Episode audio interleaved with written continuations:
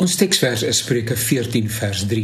Die verwaande woorde van die dwaas bring vir hom straf, die woorde van wyse mense beskerm hulle. Ek het al by vorige geleenthede die belangrikheid van omvattende betrokkenheid by die Suid-Afrikaanse konteks onderstreep.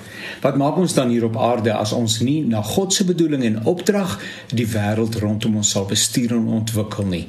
Ons noem dit die kultuuropdrag want dit is presies waarmee God vir Adam en Eva uh, naamlik uh, dit wat hy vir hulle opgedra het om te doen.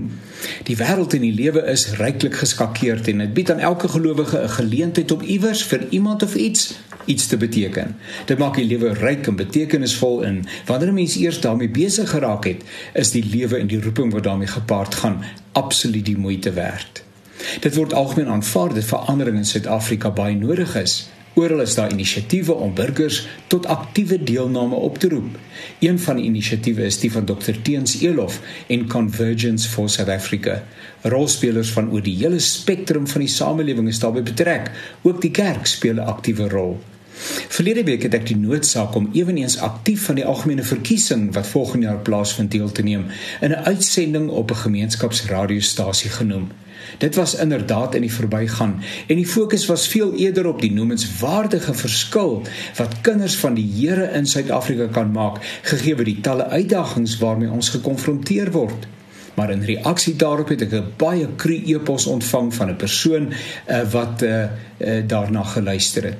En die broer het dit nie moeilik gevind om sleg te sê en af te skryf nie. En dit omdat ek gesê het mense moet stem Nou, dis elke mens se voorreg om self te besluit wat op hom van toepassing is en nie van toepassing is nie. Immers ons respekteer mekaar se integriteit. Dis tog die eerste tree van volrond volwassenheid.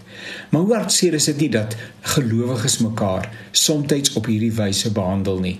Ek vrees dat die getuienis wat soms van die geloofsgemeenskappe uitgaan, nie tot eer van die Here en die uitbreiding van sy koninkryk is nie.